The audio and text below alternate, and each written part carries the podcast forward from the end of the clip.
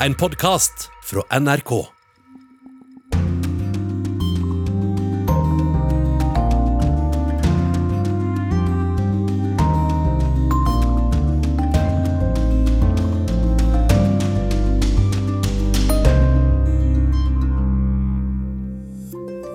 Den diplomatiske krangelen mellom USA og Russland fortsetter, samtidig som man forsøker å få til et toppmøte mellom president Biden og president Putin. Vi kaller det glemt i stan, sier amerikanske veteraner om Afghanistan. De mener amerikanere har glemt både at de er der, og hvorfor de har vært så lenge i landet. Og hvem skal overta for Angela Merkel i Tyskland? Og hvordan har det seg at franske vinbønder bruker is og kulde for å beskytte vinstokkene mot frost? Dette kan du få vite mer om i dagens Urix på lørdag. Og podkasten vår denne uka handler om Iran. Vel møtt, jeg heter Marit Kolberg. Vi starter også denne sendingen i Moskva, der russiske myndigheter nå har svart på den amerikanske utkastelsen av ti russiske diplomater. På en eh, pressekonferanse i går kveld presenterte utenriksminister Sergej Lavrov de russiske tiltakene. Одновременно мы вот буквально после этой пресс-конференции выпустим заявление Министерства иностранных дел, в котором изложены те меры, которые мы одобрили Президент России одобрил эти меры в ответ на абсолютно недружественные, ничем не спровоцированные действия, которые были объявлены Вашингтоном в отношении ja, korrespondent, korrespondent Jan Espen Kruse, hva er det Lavrov sier her?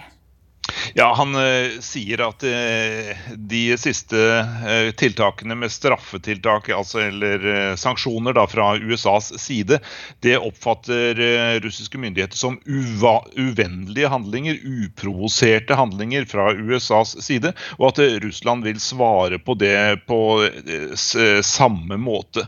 Og Det betyr i praksis at Russland utviser da ti amerikanske diplomater fra Moskva. Og så blir det innreiseforbud til Russland for flere ledende amerikanere, eh, bl.a. Eh, sjefen for det føderale politiet, FBI, og for den amerikanske riksadvokaten og, og flere andre. Og så truer eh, Russland med å ramme amerikanske selskaper eh, som arbeider i, eh, i Russland, økonomisk. Og de truer også med å redusere antallet amerikanske diplomater i Russland med hele 150.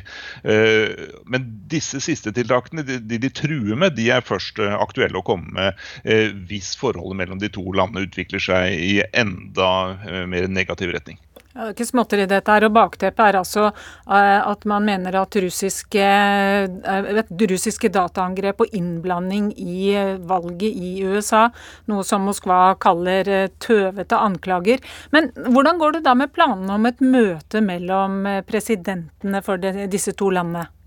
Ja, Det er eh, litt uklart, men eh, russiske myndigheter sier at de i utgangspunktet er positive, og at de nå sitter og vurderer om de eh, skal takke ja til invitasjonen fra president Biden.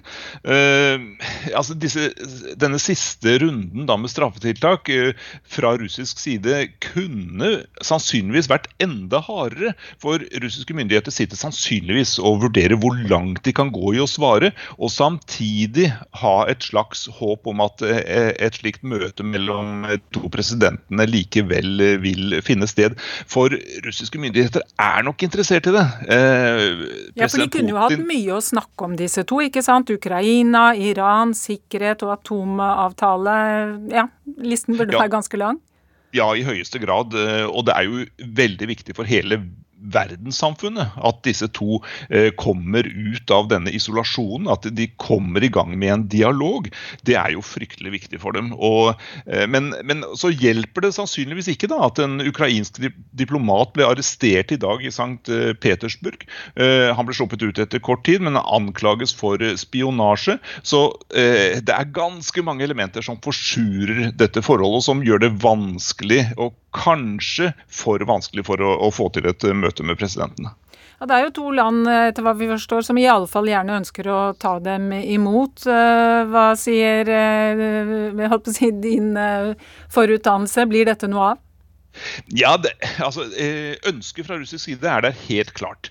Eh, president Putin vil gjerne sole seg i det internasjonale rampelyset og vise at han eh, er en politiker som må tas hensyn til, at Russlands interesser må tas hensyn til. Men samtidig så er altså forholdet nå så dårlig at det blir veldig spennende å se om de er i stand til å få til noe. Hvis de får et møte til, hva i all verden skal de klare å bli enige om?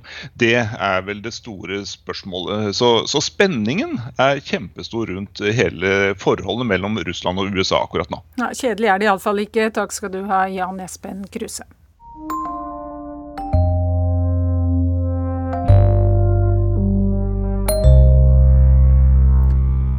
Denne uka så kunngjorde USAs president Joe Biden at alle de amerikanske soldatene skal være ute av Afghanistan innen 11.9, 20 år etter at Al Qaida angrep USA.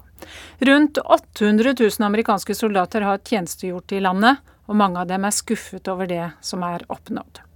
Kollega Gro Holm har mer. Et amerikansk militært helikopter lander på en slette i Afghanistan soldater som løper gjennom en sky av støv for å klyve om bord. En av de mindre dramatiske hverdagsscenene fra krigen. 2312 amerikanske soldater er drept i løpet av snart 20 år. Langt flere har arr på kropp og sjel. I have mixed feelings about it, of course. Um, we've sacrificed so much as a nation over the last 20 years. Jeg har så klart blandede følelser, sier veteranen Tom Porter til nyheten om at alle amerikanske styrker skal ut. Vi har ofret så mye i de siste 20 årene. Så mye penger og så mange liv. Og så mange veteraner har kommet hjem med ulike sår fra krigen, sier han. I just naturally, like a lot of folks, had envisioned um, uh, some greater level of success before we, we withdrew. Som så mange andre hadde han forventet seg at USA kunne vise til mer suksess før tilbaketrekkingen. Underveis har det vært snakket mye om demokrati, utdanning for jenter og økonomisk utvikling. Da utenriksminister Anthony Blinken besøkte Afghanistan torsdag, var det seieren over Al Qaida som ble framhevet. We've achieved the objective we set out uh, nearly 20 years ago. Threat from Al Qaeda in Afghanistan is significantly degraded. Osama bin Laden has been brought to justice. Vi har oppnådd målet vi satte oss for nesten 20 år siden. Trusselen fra Al Qaida er betydelig redusert. Osama bin Laden har måttet stå til rette, sa Blinken. Men Al Qaida var bortimot slått etter ett år. Og bin Laden ble drept for ti år siden. Tonight, I can report to the American people and to the world that the United States has conducted an operation that killed Osama bin Laden, the leader of Al Qaida. Amerikanere og allierte soldater i og utenfor Nato valgte å fortsette å krige med Taliban som hovedfienden etter at bin Laden var drept. Til nå. For krigen er ikke lenger populær i USA, og president Trumps krigsmotstand gjorde det akseptabelt å si at USA ikke skal sørge for lov og orden i andre land, ikke kjempe andres kriger. I am not looking to kill hundreds of thousands of people in Afghanistan. It is also not our function to serve other nations as law enforcement agencies. Det er et begrep vi veteraner ofte bruker om Afghanistan-krigen, sier Tom. The term is Forgotistan, um, because the American public has largely forgotten that we've been over there. So it's hard to keep engaged in a war when the American public don't even realize what our mission is, what our goals are, and what we're doing over there. Vi kaller det Forgottestan, glemselsstan, fordi den amerikanske befolkningen i stor grad har glemt at vi har vært der. Det er vanskelig å delta i en krig når folk ikke vet hva som er vitsen, hva målet er. Rundt 800 000 amerikanske soldater har kjempet i Afghanistan. Det har også påvirket familiene deres. Millioner av mennesker ble berørt. Tom minnes noe han ofte hørte fra Taliban og fra andre afghanere for ti år siden, mens han fortsatt var i Afghanistan. Is, uh, Dere har klokkene, men vi har tiden, minnes den amerikanske veteranen. USA drar uten betingelser, uten noen løfter fra Taliban om at de skal fortsette å forhandle med den afghanske regjeringen om fred. Det var ingen afghanere blant terroristene som angrep USA i 2001. Likevel er det de som har ofret mest. Sa reporter Gro Holm. Og med oss nå, Pamir Rezas, du kom fra Afghanistan til Norge som barn, men har holdt kontakten med landet bl.a. gjennom hjelpeorganisasjonen du har startet, som har hjulpet barn til å få utdanning der. Nå som du er jurist og studerer offentlig politikk i Oxford, eh, hva syns du om at de utenlandske soldatene trekker seg ut av Afghanistan? Eh, det er i hvert fall to veldig eh, viktige punkter for min del. og Det ene er måten de trekker seg på. De er ikke ærlige om forholdene på bakken, og de presenterer invasjon som noe vellykket. Eh, ikke nok med det grunnleggende umoralsk, men det gjentar, og dette er den andre bekymringen jeg har, en veldig alvorlig historisk tabbe det måte, dette her er lignende måte som USA trakk seg fra Afghanistan på 90-tallet på, og kastet landet inn i en veldig voldelig borgerkrig i hendene på svært ekstreme fraksjoner som de hadde trent opp, og de hadde bevæpnet. Skulle de ha gått inn i det hele tatt, eh, tenker du? Dette her spørsmålet får jeg mange ganger. fordi Det folk gjør, er de sammenligner Afghanistan i dag med hvordan det var i 2001. Eh, problemet med dette her er at dette premisset overser at hele årsaken til at Afghanistan var kommet i hendene til en svært brutal aktør som Taliban, var at Vesten trente opp og bevæpnet svært ekstreme islamistiske fraksjoner kalt mujahedin, som kjempet mot Sovjet. Når Sovjet var ute av bildet, så lot Vesten at disse mujahedin-fraksjonene eh, kastet landet inn i en svært voldelig borgerkrig som kostet én million afghanske liv. Ingen Eh, søkte å forsone den prosessen, løse den borgerkrigen og vende ryggen til. Og det var der Taliban kom til makten, som følge av denne borgerkrigen som var vestlig skapt. Og, og det man gjør nå da, er å fremstille tidslinjen litt sånn opportunistisk for å late som at man har fått til positive resultater. Så ja, det var kanskje riktig å gå inn, men det er fordi man hadde skapt situasjonen selv. Og et annet viktig poeng er at etter at man gikk inn, så gjorde man nesten alt feil. Hele statsbyggingsprosjektet øh, skapte enormt store problemer med korrupsjon, parallelle strukturer som gjorde staten avhengig av bistand. Eh, det legitimiterte krigsforbrytere som styrer landet til den dagen i dag. Og eh, så, så bruker man da misledende statistikk for å rettferdiggjøre Eh, denne krigsføringen som, eh, som jeg syns har blitt foregått på en veldig inkompetent måte. Hmm. Nå er det altså 20 år siden amerikanerne og de andre utenlandske soldatene kom, deriblant nordmenn. Det, har de oppnådd noe som helst i løpet av alle disse årene? Så det har jo vært eh, visse uh, forbedringer. Eh, men det er jo ikke noe å legge skjul på. så eh, Sentralt i Afghanistan så har det blitt utviklet eh, det som kan være foranledningen til en, en liberal og demokratistat på sikt. Men, men, problemet er at det, det handler ikke så enkelt som å si at ja, invasjon var Eh, førte til positive ting eller negative ting.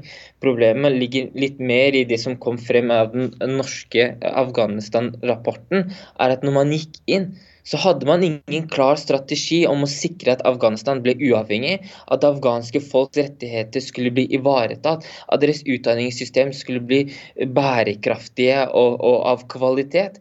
Det man gjorde, var å, å bruke et budsjett som er tre ganger så stort som oljefondet, og det aller meste av dette her gikk tilbake til, det, uh, til vestlige aktører, til militærstyrkene, og veldig lite kom til gode for det afghanske stat eller det afghanske folk.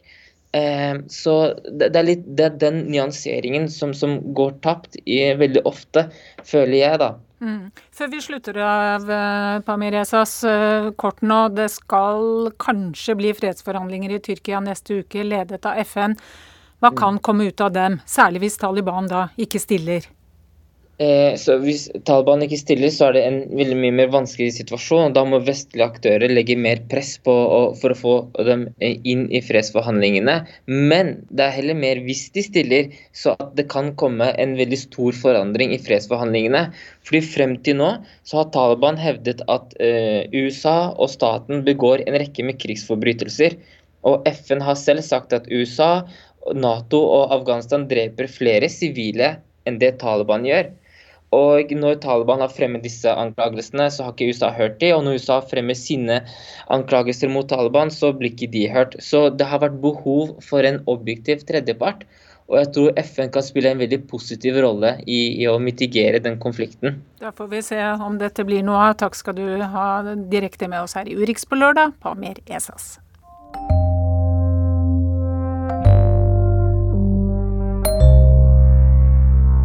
Vi blikket mot Europa, og i Tyskland pågår det nå en åpen maktkamp om hvem som skal bli unionpartienes kanslerkandidat. Angela Merkel sin foretrukne kandidat, CDO-leder Armin Laschet, han blir utfordret av CSO-lederen Markus Søder. Og det til tross for at de to sist, en, sist søndag avtalte at bare at en av dem skulle tre til side. Markus Søder og jeg har for dem heutigen Tag ein langes Gespräch miteinander geführt. Äh, wir haben unsere Bereitschaft erklärt, für die Kanzlerkandidatur anzutreten. Markus Søder og jeg har snakket sammen, og vi er begge interessert i å bli kanslerkandidater i høstens valg. Det sa Armin Laschet på en pressekonferanse sist søndag. Han er leder for Angela Merkel sitt kristendemokratiske og konservativ parti, CDO. Og den Merkel ønsker skal lede landet når hun gir seg etter 16 år. Men på denne pressekonferansen ble det klart at også Marco Søder, som leder det bayerske søsterpartiet CSO, vil bli kanslerkandidat. Vel vitende om at bare én kan representere unionspartiene, var de også blitt enige om at den som ikke fikk partiets tillit, skulle trekke sitt kandidatur. Mandag kom svaret fra partiledelsen, de går for Merkel sin favoritt. Men det fant ikke Marco Søder seg i. Sondern Wahlen gewinnt man nur mit einer richtigen ja, breiten Unterstützung und äh, aktiven Mitgliedschaft, die bereit ist auch zu kämpfen. Man vinner valget når man har bred støtte og aktive velgere som er villige til å kjempe, spesielt når det er et tett løp, sa Søder på mandag, uten noen antydning om at han ville tre til side slik de hadde avtalt. For Marcos Søder, som både er yngre og 14 cm høyere enn sin konkurrent, har fått med seg at meningsmålingene absolutt peker hans vei. Tirsdag skal det ha vært hektisk møtevirksomhet i de ulike fraksjonene i partiet, uten at noen har kunnet svare på hva de nå gjør. Det eneste som er sikkert, er at det knapt tidligere har vært en slik åpen kamp mellom koalisjonspartnerne. Det som har skjedd, er at vi egentlig ser nå en sånn desperat konflikt om arven etter Merkel. Det sier medieviter Kai Schwind ved Høgskolen Kristiania. Han er i tillegg tysk og bidrar hver uke i podkasten Tyskerne. Der har de alltid en spalte som tar for seg tyske ord og uttrykk, og nå har han funnet ordene som beskriver de to rivalene. Hvis vi tar Laschet først, vil jeg kanskje si Eh, det vi kaller på tysk en reine Froh-natur.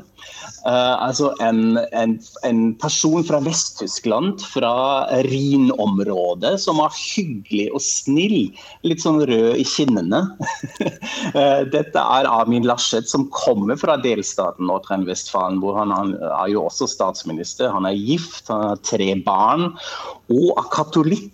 Altså, han er på en måte sånn gammel Vest-Tyskland i et nøtteskall. Hva da med hans eh, bayerische utfordrer? Mm. Hvis jeg skal oppsummere med et ord, kommer jeg bare på ikke så flatterende begrepet her. Jeg ville kanskje kalt ham for populist. Uh, Markus Søder, som er altså uh, leder og statsminister i Bayern utdannet jurist, og det som er kanskje aller viktig, uh, viktigst, er at han er veldig dyktig til å iscenesette seg selv. Uh, han, er, han, har snudd mening, han er veldig flink med å komme på banen med de riktige meninger på riktig tidspunkt. det er derfor jeg, jeg assosierer han med, med som en populist. Samme hvem som går seirende ut av maktkampen, tror Kai Schwind uansett det er lite sannsynlig at den personen kommer til å bestige tronen etter Merkel. Alt tyder på at De grønne er på vei mot toppen. Men Schwind er villig til å gjette hva som skjer med koalisjonsrivalene innen kort tid. Hvis jeg skal spå litt, så tror jeg at det til slutt ble Armin Laschet, rett og slett. Fordi det er CDU er en større partiet innen dette. Eh, at Søde til slutt eh, kanskje innser at han, han, skal gi seg, og heller begynne å tenke litt strategisk og si jo greit, da blir det Amin. Han kommer til å tape valget uansett, og så kan jeg fremstå som en litt sånn ja, ja, jeg sa det jo. Og så er det kanskje min tur neste gang. Reporter i denne saken var Anja Strøen, og vil du høre mer om maktkampen i tysk politikk, så går det an å finne fram til podkasten Tyskerne.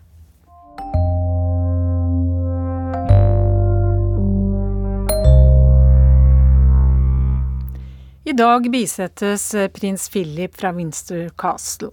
Han døde 9.4, 99 år gammel. Og selv om folk eh, er bedt om å ikke møte opp med blomster pga. faren for koronasmitte, så er det likevel mange som har gjort det, bl.a. 64 år gamle Barbara Lee. We felt that we wanted to come and pay our respects to the Duke, and mainly we're here for the Queen. You know, we feel so sorry for her, the same as we would ja, London-korrespondent Øyvind eh, Nyborg, i dag er altså en eh, stor dag for royalister i Storbritannia. Hvordan blir avskjeden med prins Philip? Det er for det første litt spesielt å være her i Windsor akkurat nå. Det er nesten ingen eh, mennesker her, og det ser ut til at folk har tatt oppfordringen om å holde seg vekke. Og så er det veldig mye politi og, og folk også fra lokale myndigheter her som passer på at ingen eh, samler seg i, i altfor store mengder og bryter covid-reglene.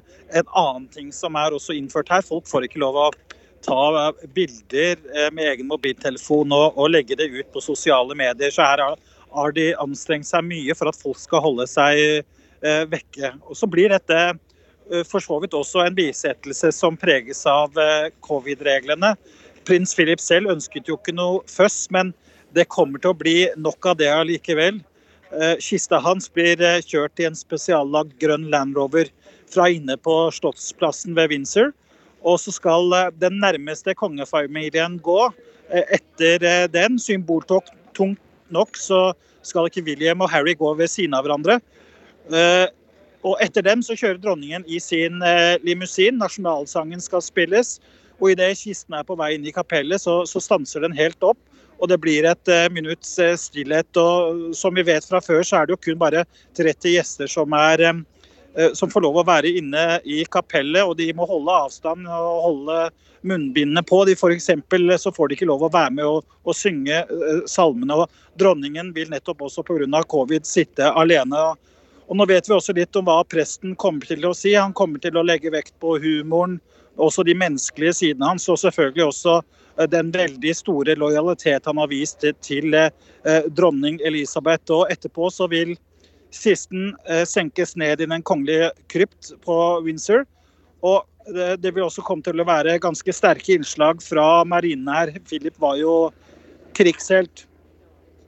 Og det må sies det at ikke bare har dronningen mistet sin klippe, folket har også mistet veldig mange, en person veldig mange har mange gode minner av. og vi skal også huske på at eh, dette er starten på slutten for dronning Elisabeths tid eh, ved tronen. Og det er mange også som håper at eh, anledningen byr seg for brødrene William og Harry til å forsones etter det opprørende Megxit for et år siden. Og det var jo heller ikke noen hemmelighet at prins Philip var veldig skuffet over Harry. Takk skal du ha, Øyvind Nyborg. Du følger eh, med her for oss i NRK utover dagen, og NRK sender direkte fra denne bisettelsen. Og den eh, sendingen begynner klokka 14.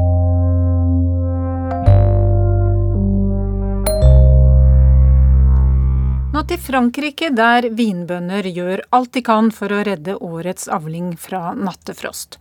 Og mens noen tenner fakler om nettene for å gi varme til de ferske knoppene på vinrankene, så gjør andre det stikk motsatte. De bruker is og frost for å beskytte plantene sine. J'allume alors. Ouais, faut allumer. De går i nattmørket mellom vinrankene og tenner én og én fakkel. I landskapet lyser flammene som tusener av ildfluer eller stjerner. Det er stemningsfullt og vakkert, men for de som dyrker druer og annen frukt, er dette et arbeid som gir mer bekymring enn hygge. Il faut faire euh, assez vite si on veut que ce soit efficace et puis que tout brûle au même moment et qu'on ait vraiment cet effet. De må tennes fort. Alle må brenne samtidig hvis det skal ha en effekt, sier Jean-Claude Toulot. Han forklarer til fransk TV at varmen fra flammene kan gi plantene en økning i temperaturen på tre til fire grader. Vær i april er ofte lunefullt i Frankrike også. Solvarmen lokker plantene, men så kommer den ødeleggende nattefrosten. Hos vinprodusenten Alain Geoffrat i Chablis tenner de også lys, men de har mer tro på en annen taktikk. Der utnytter de kulda til å beskytte de skjøre spirene.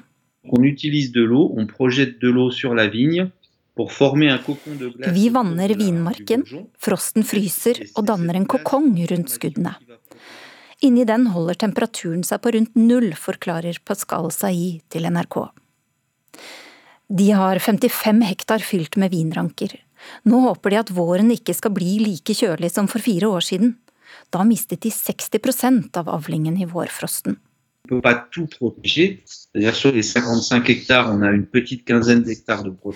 Vi kan bare beskytte 15 av våre 55 hektar på denne måten, sier Sai. Vin- og fruktdyrkerne holder et våkent øye med temperaturen, og ikke minst værmeldingen. Slik er det hver vår. Og de er ikke bare avhengig av været, forklarer vinprodusenten i Chablis. De henter vann fra en liten innsjø i nærheten. Når NRK snakker med Pascal Sailly, forteller han at reservoaret der bare holder til vanning i to netter til. Så gjelder det å håpe på godt vær de neste ukene. Ja, nå er det like før, eh, sa vår eh, franskmann med oss der. Reporter var Elisabeth Onsum.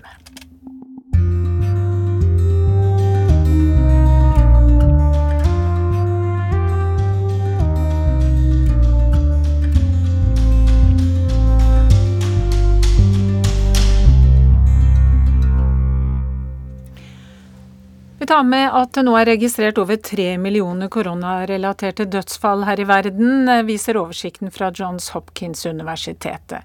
USA har registrert flest, med godt over en halv million, og Brasil følger etter med 369 000. Og tre astronauter fra den internasjonale romstasjonen ISS landet i dag tidlig i Kasakhstan med en Soyuz romkapsel, opplyser NASA. De tre astronautene, en amerikansk kvinne og to russiske menn, har vært på romstasjonen i seks måneder og skal være i fin form. Så tar vi fram denne ukas korrespondentbrev fra Sør-Afrika. For til tross for at landet har den nest største økonomien i verdensdelen, er det ikke nok elektrisitet til innbyggerne, og det fører til en rekke utfordringer. Det er lunsjtid, og kafeen jeg sitter på er full av sørafrikanere som nyter en sen frokost lørdag formiddag. På tallerkenene ligger ristet surdeigsbrød, egg og stekte tomater.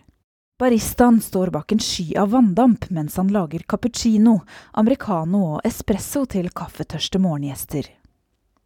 Plutselig er det som om noen skrur av en bryter. Kaffemaskinen slutter å fungere, og de avslappende tonene kommer ikke lenger ut av høyttaleren. Kafeen blir bekmørk, og det yrende livet og lydene stopper brått opp. Det går noen sekunder før jeg oppfatter hva som skjer. Sansene får seg et lite sjokk hver gang all elektrisiteten i bydelen forsvinner. Ute på gata viser ikke trafikklysene lenger når det er grønt, rødt og gult. Bilistene må selv finne ut hvem som skal kjøre først. Servitørene setter seg på gatehjørnene med en røyk i hånda. Kortmaskinene fungerer ikke lenger, så gjestene uteblir på restauranter og kafeer. Rulletrappene står stille i kjøpesenteret. Slik skal det være de neste to timene. Det er to ord som dukker opp når sørafrikanere diskuterer forholdene rundt seg i disse dager. Det ene er lockdown, det andre er loadshedding. Loadshedding betyr flere timer uten elektrisitet. Sørafrikanerne kan verken lage mat, lade PC-en eller bruke internett. Årsaken til loadshedding er at den eneste statlige strømleverandøren i Sør-Afrika sliter med å produsere nok elektrisitet. Eskom har i teorien en kapasitet på 48 000 megawatt, men bare 28 000 er tilgjengelig. Derfor skrur selskapet av deler av strømnettet når belastningen blir for stor. Strømmen skrus av til forskjellige tider.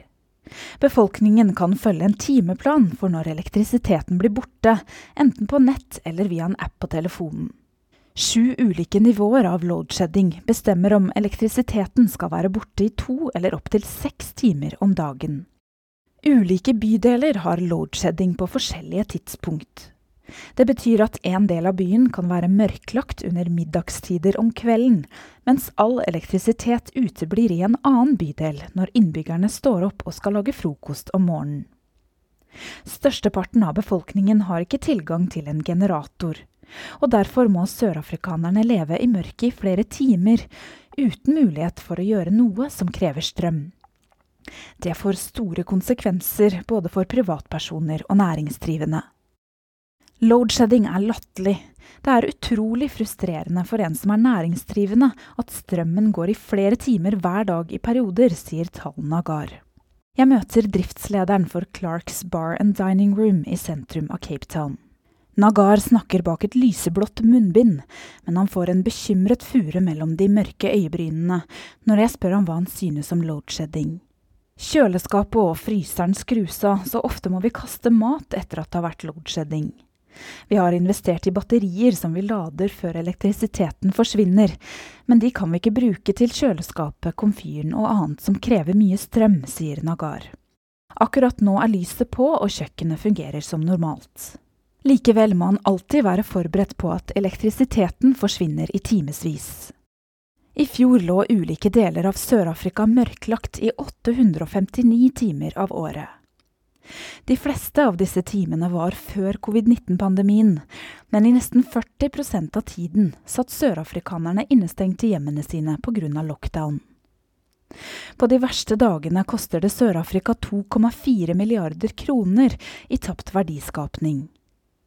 Da hjelper det ikke at økonomien allerede vakler. Økonomene i Sør-Afrika er uenige om mye, men én ting er de enige om.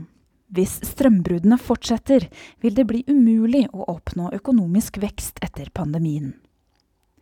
Eskoms manglende evne til å produsere elektrisitet blir trukket fram som den største trusselen mot økonomisk vekst i Sør-Afrika. Da apartheid tok slutt i 1994, hadde landet et stort overskudd av strøm. Likevel sitter befolkningen i mørket flere hundre timer i året. Eskom sto i sentrum for økonomien under apartheid i Sør-Afrika. Nasjonalistpartiet styrte landet med et rasediskriminerende lovverk fra 1948 til 1994. Myndighetene fikk store deler av inntektene sine fra landets rike mineralforekomster. På slutten av 1970-tallet og utover 1980-tallet produserte Sør-Afrika store mengder billig strøm, bl.a. fra kullkraftverk. Da apartheid tok slutt i 1994, hadde landet et stort overskudd av elektrisitet. Sør-Afrika fikk flere strømkunder, ettersom elektrisitet ikke lenger kun var forbeholdt den hvite eliten. Samtidig fortsatte myndighetene å selge strømmen billig i årene etter 1994. I tillegg ble det ikke investert i strømnettet og drevet godt nok vedlikehold av landets generatorer. Det er som å kjøpe en bil og bare fylle bensin. Hvis man aldri skifter olje eller holder bilen ved like, varer den trolig ikke så lenge. Det sier Dirk de Vos, som er ekspert på elektrisitet i Sør-Afrika. Han har fulgt utviklingen i hjemlandet i mange år og kommentert temaet for avisa Daily Maverick. Men det er ikke bare dårlig vedlikehold som fører til at Sør-Afrika med jevne mellomrom mørklegges. Tidligere president Jacob Zuma har en stor del av skylda. I de ni årene han styrte landet, ga han vennene sine ansvaret for å lede kraftselskapet Eskom. Det var innbringende for presidentens venner, men ikke for Sør-Afrika. Zuma sørget for at den indiske forretningsfamilien Gupta fikk 390 millioner kroner for kull de aldri leverte. Dermed kunne brødrene Gupta kjøpe kullgruven Optimum fra det store multinasjonale selskapet Glencore. Zumas sønn var også innblandet i korrupsjonen. Sola har gått ned når jeg kjører hjem fra jobb. Gatelysene er skrudd av og vinduene i kontorbyggene er mørke. Det er som å kjøre gjennom en forlatt by. Loadshedding-appen på telefonen har akkurat sendt meg en beskjed med en emoji som viser et lite lyn. Ved siden av lynet står det at elektrisiteten blir borte mellom klokken sju og ni i kveld. Det er middagstid for sørafrikanere. Det blir altså ikke noe varmt og hjemmelaget måltid for innbyggerne i denne bydelen i kveld. De betaler prisen for myndighetenes strømpolitikk og årevis med korrupsjon. Ifølge ekspertene skal de trolig gjøre det i flere år framover. Sa Ida Titlestad Dalbakk. En eksplosjon startet en brann i Irans største atomanlegg sist helg. Den satte det omstridte programmet for å anrike uran flere måneder tilbake, og i ukas podkast spør vi var det et angrep fra Israel, og kan en TV-serie hjelpe oss med å finne ut av dette? Sist helg gikk strømmen i Irans viktigste atomanlegg. Det var en eksplosjon som førte til strømbruddet, og det iranske atomprogrammet er satt mange måneder tilbake. Men var det en ulykke? Eller var det et vellykka cyberangrep fra israelske agenter?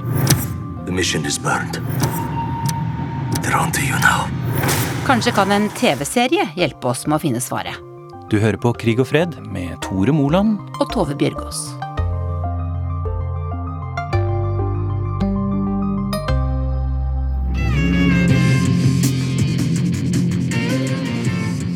Den israelske TV-serien Teheran handler om Mossad-agenten Tamar Rabinian, som reiser til eh, Teheran for å gjøre alt klart, slik at israelerne kan bombe atomanlegget i Natanz.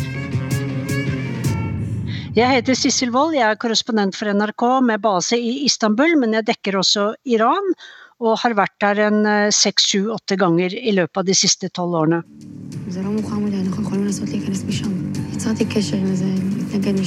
Hovedpersonen heter Tamar Rabinyan, og hun er da eh, født i Iran.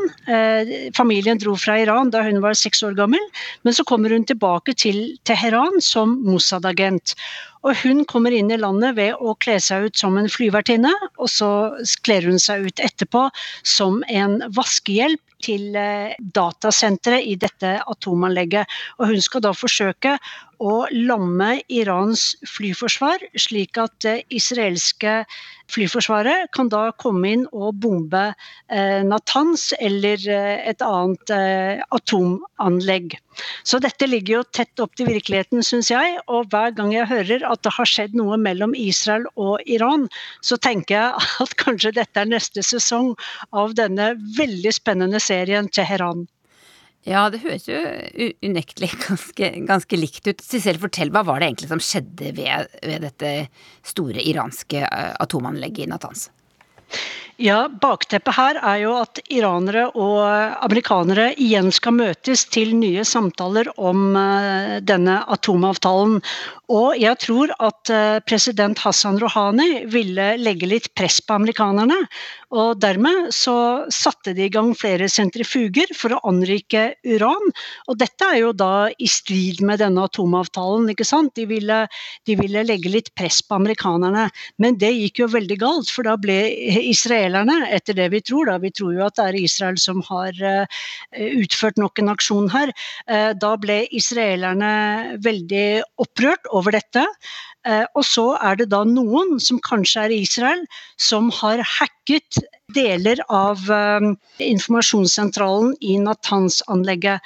Etter det så sa jo iranske offisielle kilder at det hadde skjedd et uhell. Eh, men senere så sa sjefen for det sivile atomprogrammet i Iran, Ali Akbar Salehi, at det var noen som hadde begått sabotasje. At dette var atomkraftterrorisme.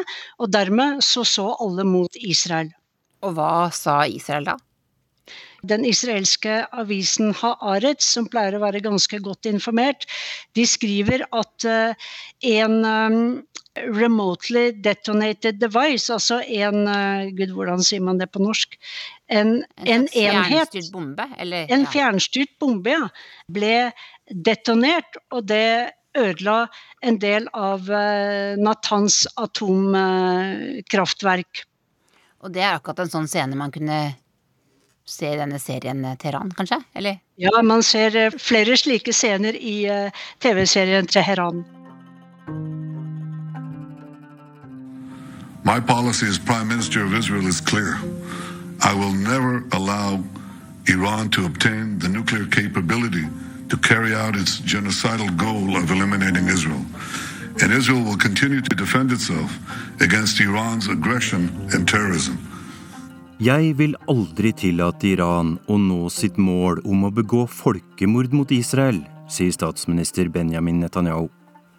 Han verken bekrefter eller avkrefter at Israel på en eller annen måte angrep atomanlegget i Natanz på søndag, slik at det oppsto en brann som satte det iranske atomprogrammet mange måneder tilbake. Men Irans utenriksminister Javad Zarif er overbevist om at israelerne sto bak.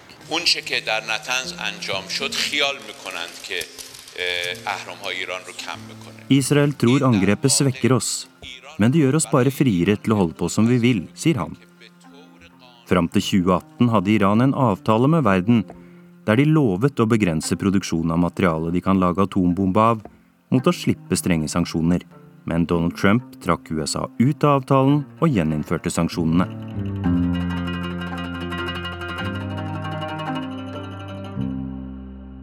Mossad, den israelske etterretningsorganisasjonen, er det også mange som begynner å snakke om når noe sånt eh, skjer.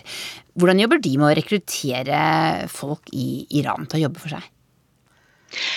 I Iran nå så er det mye økonomisk nød, og det er stor, eh, stor misnøye med regimet. Og jo mer folk sulter, jo mer desperate folk er etter penger, så er det lettere å rekruttere. Både fordi folk trenger penger, folk trenger hjelp, og så er de i tillegg veldig misfornøyd med utviklingen i Iran, og de ser ikke noen muligheter. Og så kommer Mossad, og Mossad kan tilby f.eks. tjenester på sykehus, de kan tilby folk utenlandske pass. Og i denne TV-serien Teheran så prøver de Mossad å rekruttere en av toppene i revolusjonsgarden mot at hans kone skal få eh, kreftbehandling i eh, Frankrike f.eks. Og så blir det jo tilbudt av vestlige pass. Så Israel har mange ting eh, å lokke med. Vi tenker jo ofte på Israel og Iran som bitre, bitre fiender. Eh, men hva er egentlig forholdet mellom iranere og israelere, hvis man ser litt mer historisk på det? Eh, historisk så har jo Iran et av eh, verdens eldste jødiske samfunn, Persia. Jødene kom til Persia under Kyros den store, og da snakker vi om altså 500 år før Kristus. Dette er et gammelt jødisk samfunn. Og før revolusjonen, under sjahen, så hadde jo Israel og Iran nære forhold. Og jeg tenker jo ofte på hvor like iranerne og israelerne er hverandre. De bor i Midtøsten, men ingen av folkene er arabere. Israelerne er jo for det meste jøder, iranerne er persere. Og, og, begge er nok litt misfornøyd med sitt forhold til den arabiske verden. Eh, og i tillegg så er begge landene langt fremme når det gjelder eh, vitenskap, forskning, kultur. Men det er klart, landene, statene, er bitre, bitre fiender. Men det som er interessant, er at det er 140 000 israelere som er født i Iran. Og en av dem, han heter Meir. Han er en kommentator som er iransk jøde. Jeg tror du også har snakka med han før, Sissel. Han har jeg også snakka med, han bor altså nå i, i Israel.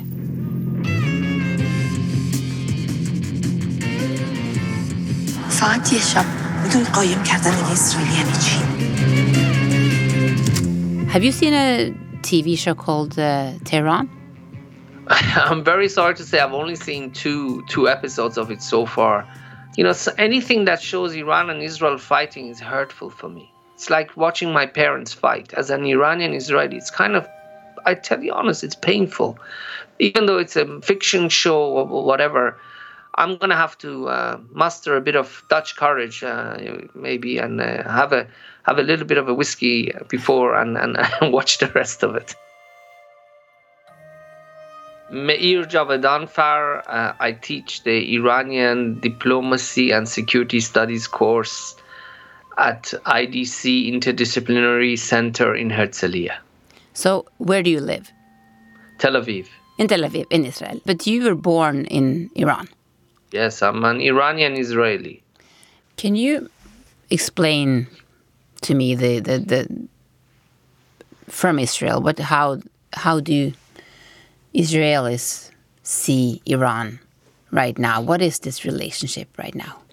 Um, you know, I lived in England as an Iranian for 16 years. And when I left Iran with my family at the age 14, we went to the UK from Iran, and I lived there for 16 years. And I've lived in Israel now for 17 years. What I can tell you, Tova, is the people of Israel have a much more positive image of the people of Iran than, than people in Britain. Really? As an Iranian, I feel much more comfortable being Iranian here. Huh. And it's it's, uh, it's it's for a number of reasons. First of all, we have a very vibrant Iranian Israeli community here who is very proud of the Iranian culture, and they all, so they always talk nicely about Iran's culture and they promote the people of Iran. Uh, then we have Israelis who lived in Iran prior to the revolution, um, and they you know they left after the revolution, but they speak very nicely about their experience in Iran. I feel as a Persian, I suffer from positive discrimination. Whereas Arab Israelis, they suffer from negative discrimination. You ask an Israeli what they think about a Persian and an Arab, you'll hear completely two different answers. Meir, som er iransk jøde, men bor i Israel, forteller altså at mange israelere og iranere er mindre fiendtlig innstilt til hverandre nå enn det medier og kanskje politikerne deres vil ha det til. Hvis Israel sto bak eksplosjonen i Natanz, så mener han at det kan henge sammen med at israelske myndigheter vet at mange iranere er slitne, og begynner å skylde på sitt eget islamistiske regime for at de må leve med sanksjoner pga. atomprogrammet. So people of Iran love their country. People of Iran are very proud of their country. But recently, after every reported attack against installations in Iran which are related to Israel, I don't see a negative reaction by Iranians. I just don't see it.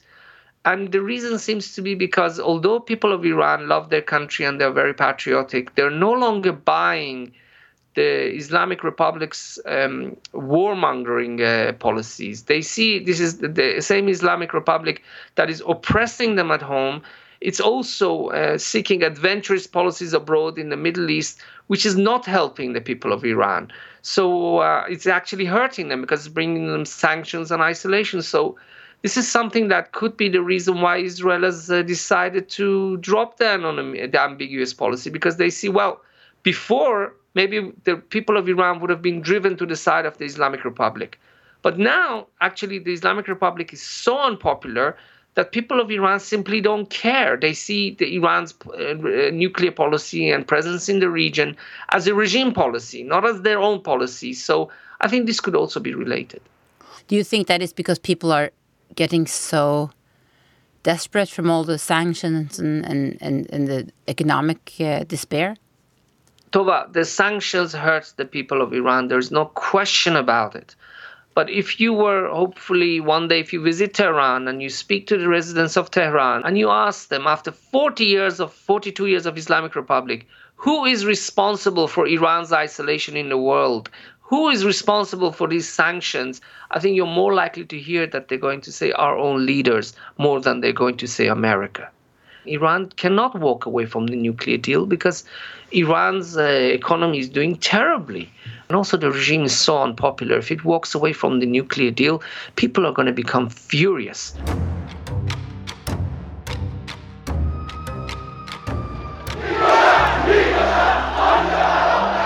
Fundamentalism took hold with a fury and a force that helped ignite the still impoverished masses in Iran, who felt they had little reason to be grateful to the Shah.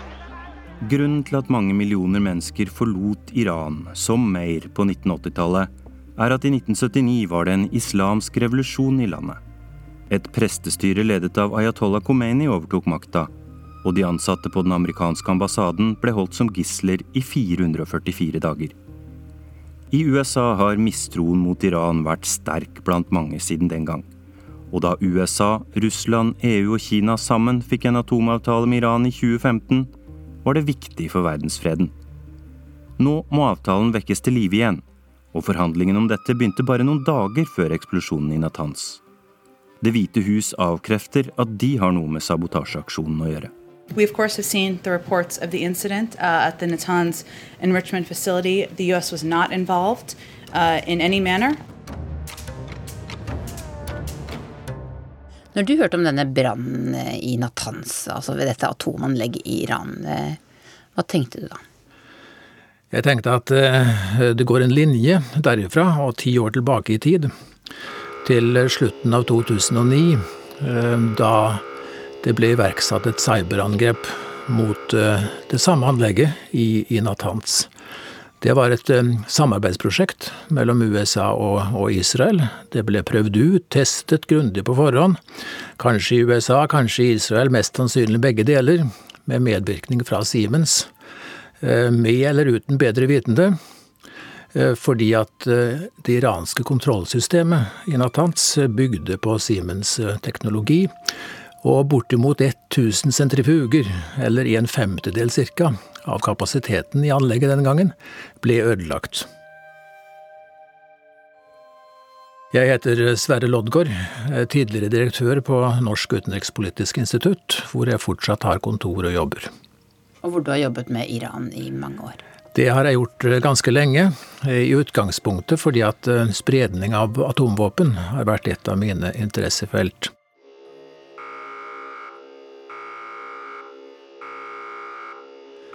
Vi så jo at sentrifugene kollapset, vi som fulgte Atomenergibyråets inspeksjonsrapporter. Og da var det vanlig å si en stund at ja, de mestrer ikke teknologien, men så var det altså noe helt annet som var på gang. Og dette har fortsatt, og i fjor ble også et anlegg for montering av moderne sentrifuger ødelagt, kanskje også gjennom et cyberangrep. Det siste som har skjedd nå, der er jo omstendighetene ikke klare, så vi vet ikke sikkert hva det er som har skjedd, bortsett fra at elektrisitetsforsyningen til anlegget altså ble sabotert. Og det var altså en eksplosjon, noen mener det var en bombe. Kan dette også vært utført som et cyberangrep? Fritt fram for spekulasjoner foreløpig. Men hvordan jobber disse folka i Israels etterretning i Iran? Det er jo pinlig for iranerne at de ikke greier å beskytte noen av sine viktigste anlegg. Og Israel har jo også vist på andre måter at de kan komme i inngrep med programmet. F.eks. også ved å drepe naturvitenskapsmenn som er knyttet til dette programmet.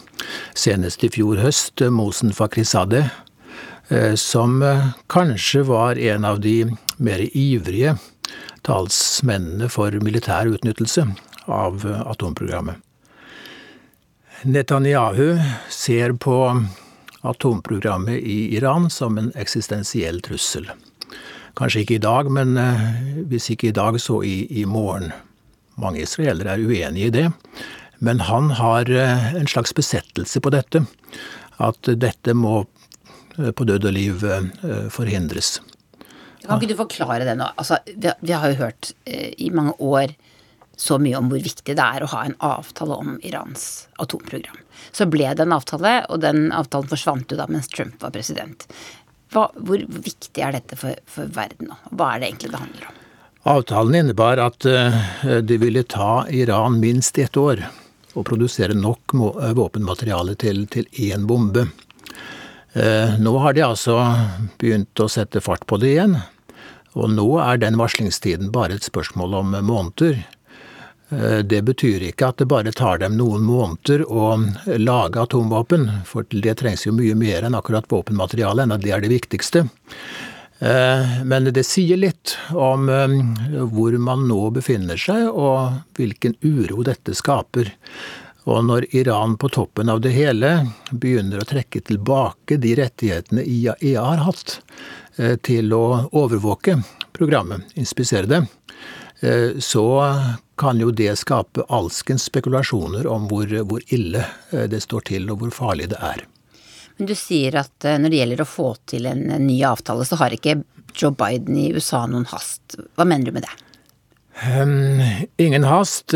Trumps sanksjoner ligger der fortsatt, alle som én. Uh, han har mange andre ting som uh, er viktigere. Pandemien, økonomien, infrastrukturprogrammet, forholdet til Kina, you name it. Uh, dessuten bør han jo ikke være for rask på labben innenrikspolitisk, fordi at han da kan fremstå som en, som en svak, ettergivende leder. Og motstanden mot programmet i Kongressen er jo sterk. Fiendtligheten overfor Iran har i det hele tatt holdt seg sterk, helt siden revolusjonen i, i 79.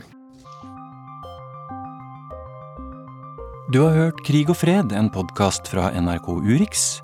Lydregien var ved Hilde Tosterud. Krig og fred lages av meg, Tore Moland, og Tove Bjørgaas. Og redaktøren vår er Sigurd Falkenberg Mikkelsen.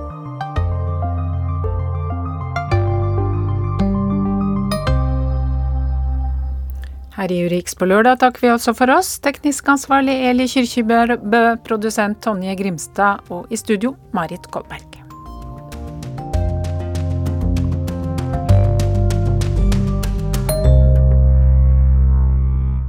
Du har hørt en podkast fra NRK. Hør flere podkaster og din favorittkanal i appen NRK Radio.